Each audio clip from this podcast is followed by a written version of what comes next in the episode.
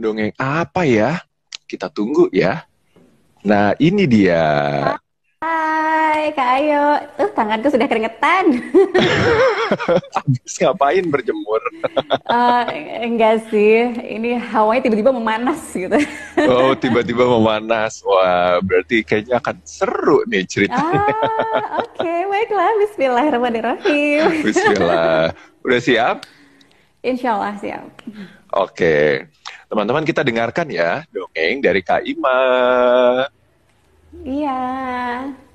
Hai teman-teman, gimana kabarnya hari ini? Semoga tetap semangat ya sambil mendengarkan dongeng dari Kak Ima. Hari ini Kak Ima akan bercerita yang berjudul Putri dan Menara Impian. Di sebuah kerajaan tinggallah seorang putri, ia merupakan satu-satunya dari keturunan dari kerajaan tersebut. Karena merupakan satu-satunya, jadi ia sangat disayang. Raja dan ratu tidak memperkenankan jika ia bermain keluar istana. Itu karena saking sayangnya. Tapi putri ingin sekali bermain. Ah, gak apa-apa deh. Nah, saat ini putri ingin uh, bermain dengan apa saja yang ada di sekitarnya. Dan maka karena itu, karena tidak diperkenankan pergi keluar istana, maka raja dan ratu selalu memenuhi keinginan putri. Ketika putri ingin memakai baju warna merah dan ia belum punya, ratu memerintahkan kepada juru jahit untuk membuatkan pakaian. Ketika putri ingin bermain dengan beruang besar yang menggemaskan, boneka beruang besar, raja lalu menyiapkannya. Semua pakaian dan mainan itu tersimpan rapi di kamarnya. Ketika putri ingin uh, makan makanan kesukaannya, ia lalu bergegas menuju dapur, lalu ia bilang kepada Pak Koki, Pak Koki, aku hari ini ingin sekali makan makanan kesukaanku, kue bolu. Pak Koki bisa membantu aku membuatkannya dan ajarkan aku ya. Nah, Pak Koki pun menyanggupinya. Akhirnya mereka berdua masak bersama. Sreng, sreng, sreng gitu. Tara, kue bolu kesukaan putri sudah jadi. Ia pun berkeliling istana sambil membagikan kue bolu kesukaannya. Ini buat kamu, ini buat kamu ya, ini buat kamu. Putri merasa senang. Tapi semua itu tidaklah cukup. Putri tetap merasa kesepian. Putri tetap merasa kesepian. Jadi, walaupun ia sudah ditemani oleh para dayang kerajaan, ia pun tetap merasa sepi. Nah, duduk sayang ya. Malam itu, malam malam itu Putri melihat ke arah luar jendela menar, ke arah luar jendela kamarnya. Ada sinar bulan yang masuk ke dalam kamar. Ia pun melihat bulan. Hmm, sungguh enak ya ketika kita bisa pergi ke tempat yang sangat tinggi seperti bulan karena ia bisa melihat segalanya apa yang terjadi di bumi. Bulan pun tidak akan kesepian. Ia pun lalu mengungkapkan keinginannya pada sang raja. Ayah, Aku punya keinginan. Aku ingin sekali pergi ke tempat yang sangat tinggi seperti bulan. Raja yang mendengar hal itu cukup geleng-geleng kepala. Aduh, aneh-aneh saja nih keinginan putri. Mendengar hal itu, arsitek kerajaan punya ide. Ha, menurut kalian, ya, menurut kalian apa sih uh, ki, apa yang ingin disampaikan kepada arsitek menurut kalian? Apa sih ide dari arsitek kepada raja? Ada yang bisa mendebatnya? Arsitek lalu menyampaikan keinginan arsitek pun lalu menyampaikan uh, kepada raja, "Hai raja, aku punya uh, ide bagaimana kalau kita membangun menara yang sangat tinggi di dalam istana ini." Akhirnya setahun berlalu arsitek membangun kerajaan arsitek membangun menara itu. Mau mau ikutan saya maaf ya. Boleh ya, ke kabar dulu. Ya, arsitek raja pun akhirnya setelah setahun berlalu, arsitek menyediakan menara yang sangat tinggi di halaman belakang istana. Raja, ratu, dan putri yang melihat hal itu sungguh senang. Wah, aku sangat gembira. Aku senang sekali dan aku sudah tidak sabar ingin masuk ke dalam menara itu. Putri merasa senang. Ya, tap, tap, tap. Putri menaiki anak tangga sambil berhitung. Satu, dua, tiga. Ketika sampai di anak tangga yang lebih tinggi, Putri kelelahan. Ia pun melihat ke arah luar menara.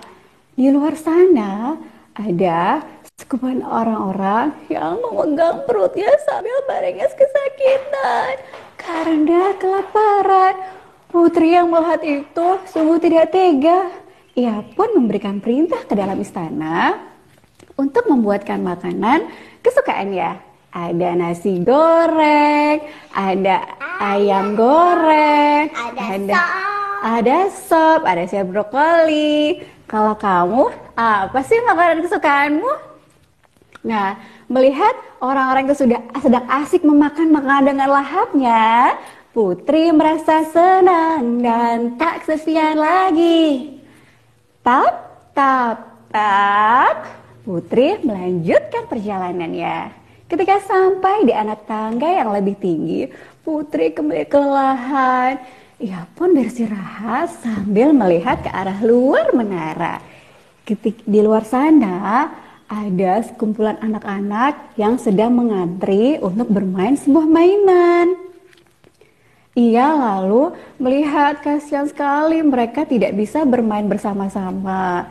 Akhirnya putri memerintahkan kepada raja, akhirnya putri memerintahkan kepada ke dalam istana untuk memberikan sebagian mainannya yang ada di kamarnya.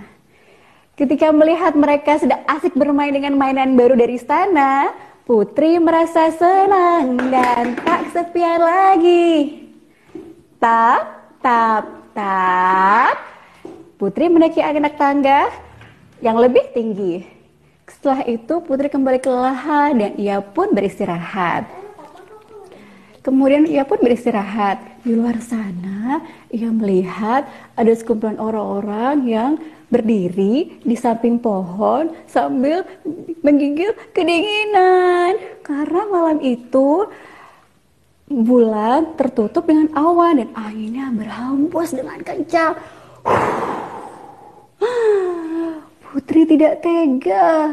Ia lalu meminta dia ke dalam istana untuk mengambilkan jaket dan shawl untuk diberikan kepada mereka. Nah, para rakyat pun sudah merasa hangat ketika mendapat pakaian jaket dan shawl dari kerajaan. Putri merasa senang dan tak kesepian lagi. Wah, rupanya dengan menara impiannya, Putri berada di tempat yang tinggi seperti bulan. Dan ini merupakan kebahagiaan terbesar ketika ia bisa melihat apa yang terjadi di luar istana dan ia pun bisa berbagi apa yang ter, apa yang ada di, di miliknya. Ia pun bisa berbagi apa yang walaupun itu sedikit gitu. Nah, cerita ini terinspirasi dari Cerita itu terinspirasi dari kumpulan putri dan pangeran eh, dan salah satunya ada cerita yang berjudul Putri dan Menara, dan Menara Menuju Bulan karya Arlin dan Winda. Sekian, Kak Ayo. Hore. Hore. Ah, sudah merasa senang deh sekarang. Oh itu putrinya, mantap. itu halo. Aku tidak konsen karena sudah dikondisikan tiba-tiba datang. Nggak apa-apa, nggak apa-apa menyenangkan. Terima oh, kasih loh. Terima kasih sampai eh. dia sudah hafal ceritanya. Uh, uh, makanya aku mau denger lagi dong nyanyi. Dia nggak bisa denger aku ya. Coba diajak aku nyanyi dong lagu yang tadi. Ya. Nyanyi. Putri merasa senang. Coba. Putri merasa senang. Nggak kedenger suaranya. Coba. Putri. Ayo. Putri. Putri. Merasa senang. Dan. Tak lagi. Yeay. ah, seru banget. Oke, Terima kasih loh. Maaf ya. Gak apa-apa, itu menyenangkan. Jadi gimana Iya. sekarang rasanya? Rasanya eh, seru dan menyenangkan karena jadi lebih ekspresif sekarang kalau lagi cerita dan anak akhirnya Oh, wah gitu. Dan aku jadi latihan senyum kan. Jadi, jadi sebelum sebelum berdongeng aku senam muka dulu biar kalau senyum tuh nggak kaku gitu. oh, aman kok, aman. Kan dongeng sama kayak tadi bagi-bagi mainan pakaian dan bagi-bagi makanan ya. Iya. Berbagi untuk membuat orang lain merasa senang. Supaya kita jadi senang juga. Ih. Gitu ya, ya. Baiklah, terima kasih ya. Nanti temenin Terima kasih, Ayo. Bunda cerita lagi ya. Sampai jumpa. Iya.